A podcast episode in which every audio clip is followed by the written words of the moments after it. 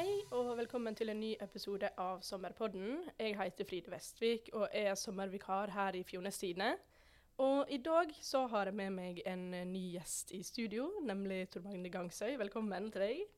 Tusen takk skal du ha. Hvordan går det? Nei, Det går veldig bra. Det er jo bare noen få dager igjen til sommerferie, så det går bra.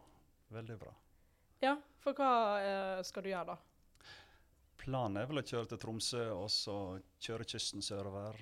Jeg hadde en plan i fjor faktisk om å hilse på folk jeg ikke har sett på lenge. Uh, Stikke innom, si hei. Det blir alltid for lite, lite tid til folk du som du har møtt på livets vei, kan du si. Og så er avstandene store. Sant? I år er planen å stikke innom folk som jeg kjenner opp og ned langs kysten. Mm. Men hva andre ting har du gjort eh, tidligere i sommer, da? I, sommer har vært veldig hektisk. Jobba mye. Har hatt ei uke fri. Da begynte fjerde ferieveka med strandfestival. Kjempekjekt. Bra vær. God musikk. Smilende folk. Og så ble det da tur til Göteborg og en konsert med Coldplay. Ja. Stor opplevelse. Og man trenger ikke nødvendigvis å like musikken til Coldplay for at man skal føle seg vel på en eh, slik konsert. Det var helt fantastisk.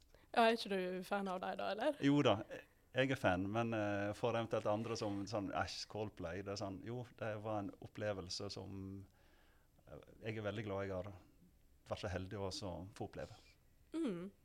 Men uh, også har du jo gjort noe annet òg. Du har klatra via Ferrata på Hornelen? Ja, det var den eh, strandfestivalhelga. Da var det Via Ferrata på Hornelen. Ble invitert av noen kompiser om jeg hadde lyst til å være med. Og så var det bare å brette opp armene og finne fram noen gamle klatrekunster. Og så var det oppover fjellveggen. Ah, hvordan var det? Eh, det var faktisk veldig uvant å se ned fra Hornelen. Nå klatra ikke vi den høyeste ruta, vi kalte det så, nei, klatra det som de kalte heksveggen som var, går et stykke lenger ned i, langs fjæra oppover fjellet et stykke. Men det var uvant å stå oppe i fjellveggen der og se ned, for du er så vant med å kjøre forbi med båt og, og så se opp. Mens nå eh, var du oppe i fjellveggen, og du satt oppe der på en benk og dingla med beina og spiste nista di. Og, og, det var ja, litt surrealistisk opplevelse oppi, oppi veggen der. Men veldig kjekt, så det anbefales til andre òg. Kanskje ikke for folk som har høydeskrekk, men for alle andre som har lyst til å opplever noe annerledes her ute i Ytre, klatrer vi iallfall dette. Ja, for du har ikke høydeskrekk? Nei, jeg har ikke det. Det er absolutt ingenting av høydeskrekk her, heldigvis. Nei. Men du har jobba en del i sommer, sa du? Ja, jeg eh, har, har jobba en del. Det har vært litt sånn eh, litt vanskelig situasjon på jobb med litt underbemanning og litt sykemelding og sånn, så da har jeg måttet hatt ansvar på innkjøpsavdelinga alene. Og det jeg, jeg jobber da som innkjøpssjef på Fjord Shipping, og jeg har ansvar for innkjøp av alt til 20 skip i inn- og utland. Så det er mye å holde styr på. Ja, forstår.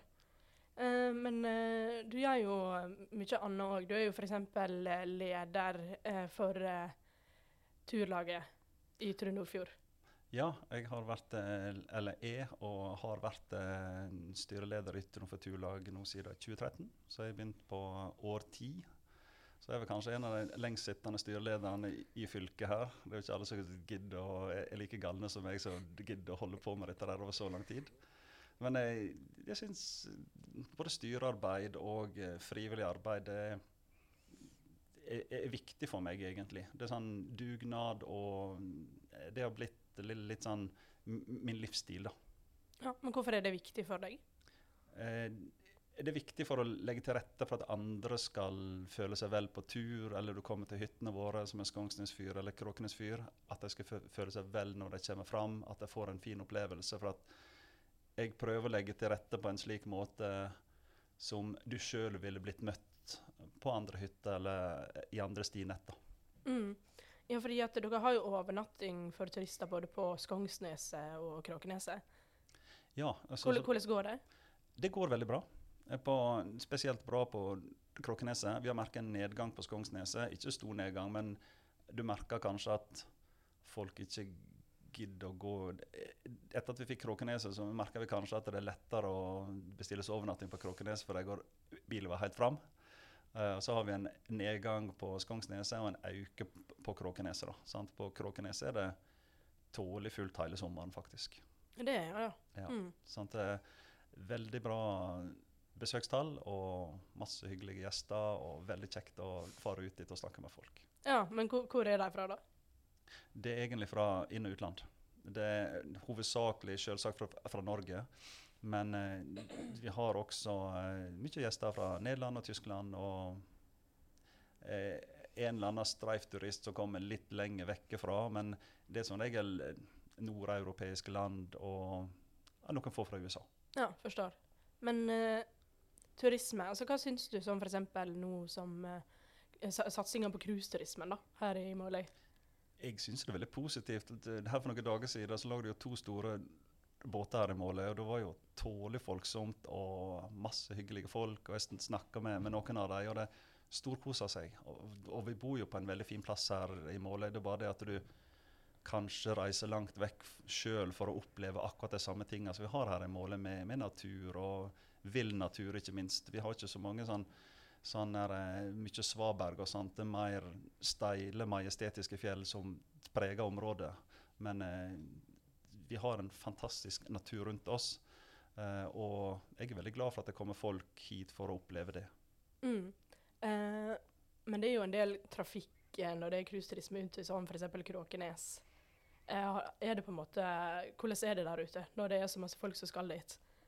Jeg har ikke opplevd det sjøl, men jeg hører jo fra både innbyggere og vi har noen frivillige der ute som er der ute og gjør rent etter overnattingsgjester. og sånt, at Med 20 busser på en, en dag, så er det kaotiske Kråkeneset. Det er det.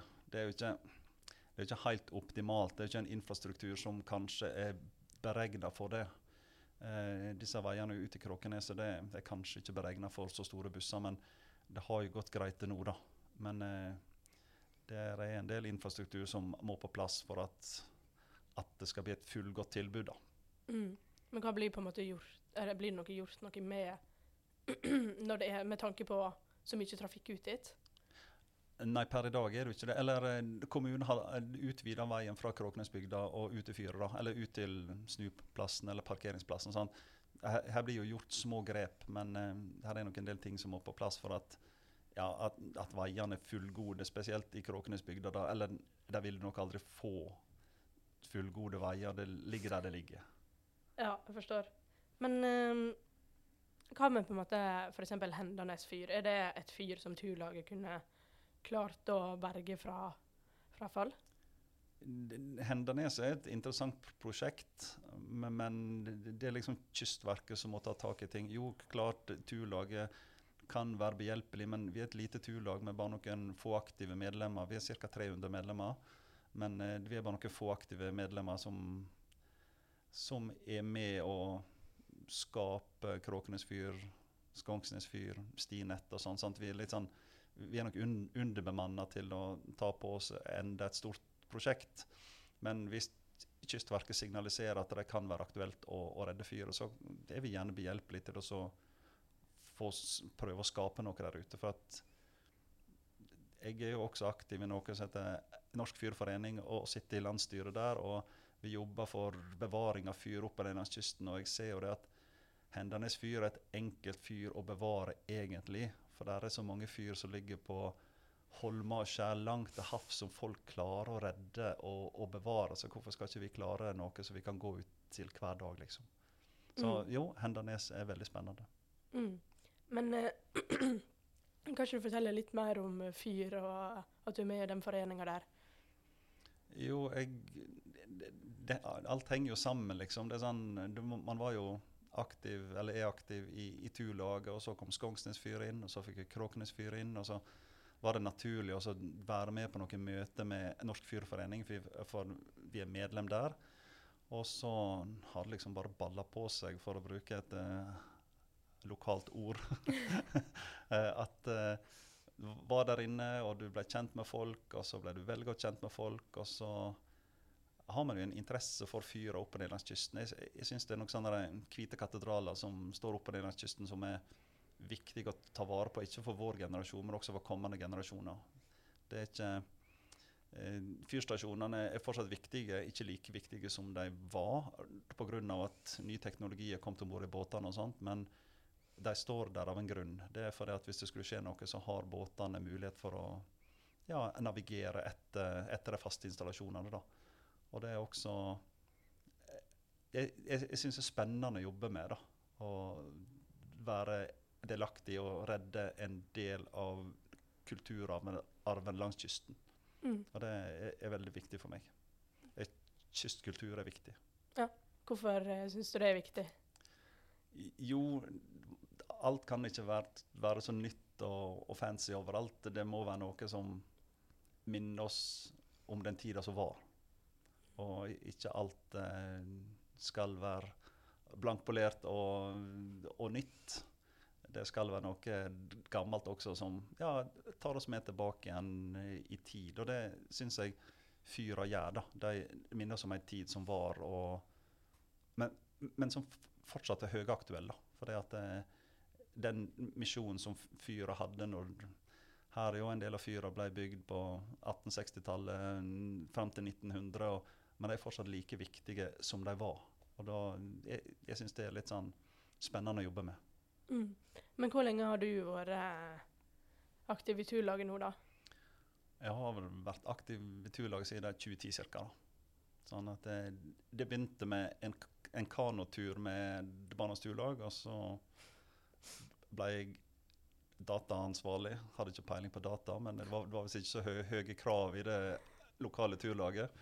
Så da fikk jeg ansvar for det, og så ble jeg styreleder etter noen år, og så nå har jeg satt der i ti år. Ti år, ja. Så jo, kanskje det blir noen år til. Så vi, vi får se.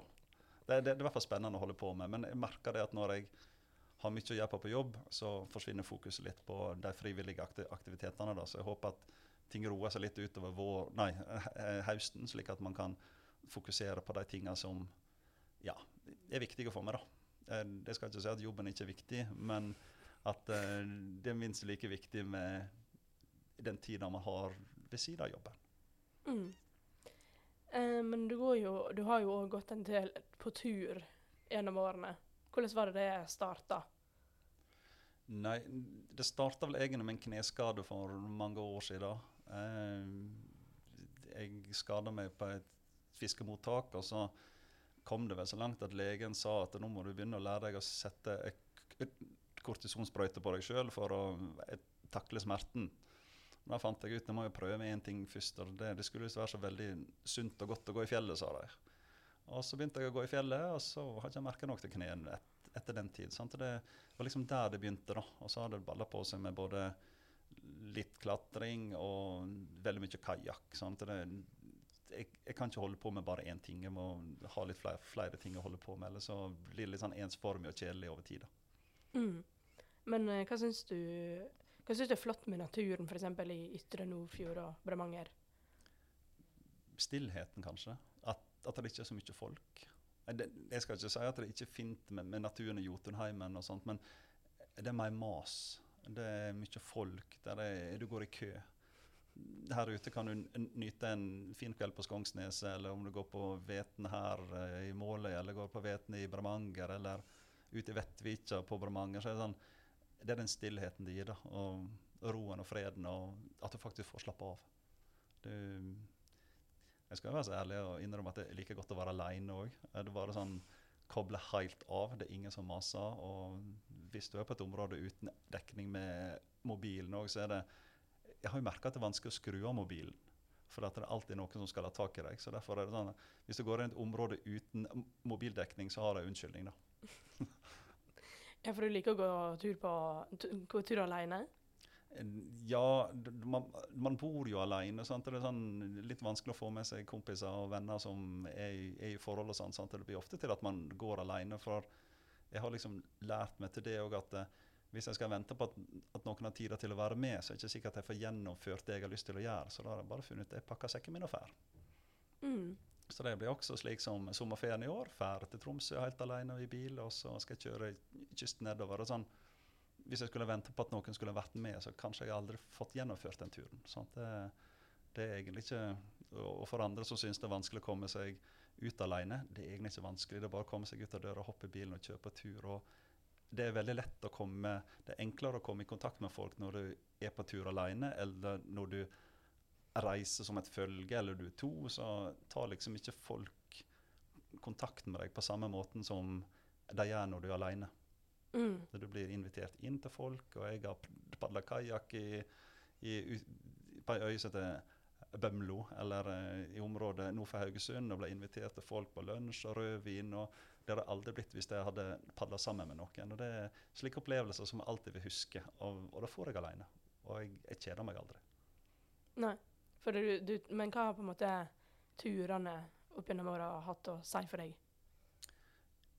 det har jo veldig mye med minnet å gjøre, ikke minst. Og, og at du kan tenke til når dagene blir litt grå og høststormene banker på ytterdøra og du ikke kommer deg ut, så kan du tenke tilbake igjen. og Du kan scrolle gjennom telefonen og se på en ørret du fikk på Hardangervidda, eller en kajakktur du hadde en eller annen plass som eh, ja, gir deg gode minner. og du husker tilbake på de positive tingene, og så kan denne høststormen bare hamre og slå så mye den vil. Og så er det at du gleder deg til lignende turer som kommer. da. At eh, de positive erfaringene du hadde med ene turen, gjør at du gleder deg til neste tur igjen. Og det syns jeg er veldig, veldig kjekt å, å se fram til. Og ikke minst møte nye folk. Det er, sånn, det er ikke at jeg bare springer ut i fjellet helt alene. Jeg jeg er ofte på sykkelturer og gåturer og treffer masse folk. og det, Jeg syns det, det gir meg energi. Sånn Jeg, jeg syns det er veldig kjekt. Mm. Men hvor er det du drar hen, da? På turer? Nei, det er ikke alltid godt å si. Det er enkelte ganger jeg ikke, jeg ikke vet det sjøl heller. Ofte er jeg på blåtur med meg sjøl. Jeg skulle til Geiranger og, og, og, Galdhøpiggen for noen år tilbake, og enda nede i Haugesund. Og, og padle kajakk. Så det er ikke alltid godt å si eh, hvor jeg havna. Og i fjor var meg og en kompis på tur, og vi skulle til Seljord, men så begynte vi med stein, saks, papir i rundkjøringene. Og da havna, havna vi i Larvik. Sant? Det er ikke alltid godt å si hvor den karen har havna. For det, det skal være litt artig å være på tur. Og ikke og så er jeg ikke så veldig flink til å la, lage en plan. Eh, Jeg tar gjerne ting på sparket. For at hvis jeg har laga meg en plan, så blir jeg som regel skuffa. Det blir dårlig vær. Bilen streiker. Eller det er et eller annet som skjer på veien som gjør at den, de forventningene du hadde til den spesielle turen, ikke blir helt slik du hadde tenkt deg, og så blir du skuffa. Mens eh, jeg tar ting på sparket, så blir det Ja, det blir ene oppturen etter den andre. Altså, Det er best å ikke planlegge, eller? Ja, på mange måter. Jo, skal man til Syden, så klart man skal planlegge. Men på sånn norgesturer sånn, så syns jeg det er veldig greit å kjøre etter vær og vind. da. Ikke minst for at eh, eh, har man en plan om at man skal til eh, en plass, og der er høljeregn ei uke, og du har planlagt alt ned til den minste detalj, da har jeg den fordelen at jeg kan stikke en helt annen plass i landet og få sol. Sånn at, eh, kanskje ikke planlegge for mye. Ikke overplanlegge, i hvert fall. i hvert fall. Men nå som du skal til Tromsø, da ja. Der er nok li- litt planer, men eh, nå har jeg jo sett på værmeldinga at det er meldt bra vær. da, sant? Det er liksom det som ligger til grunn. Hvis det hadde vært meldt dårlig vær i nord, så hadde jeg plutselig stått i Kristiansand. ja. Men Ja. hvor lenge skal du på tur nå, da? Eh, hvis det været er bra, kanskje opptil tre uker. Så hvis det er noen folk oppe i nord som hører på, så er det bare å gjøre dere klare. Jeg stikker innom, eh, det er i hvert fall hvis jeg kjenner dere, da. Ja. Nei, men eh, du får ha god tur, da. Tusen takk for det. Og så eh, takk for at eh, jeg fikk snakke med deg, og at du kunne komme hit. Veldig kjekt å bli invitert, og Ja. veldig hyggelig å snakke med deg. Ja, Og så takk til dere som hørte på. Og så får dere ha en fin dag videre.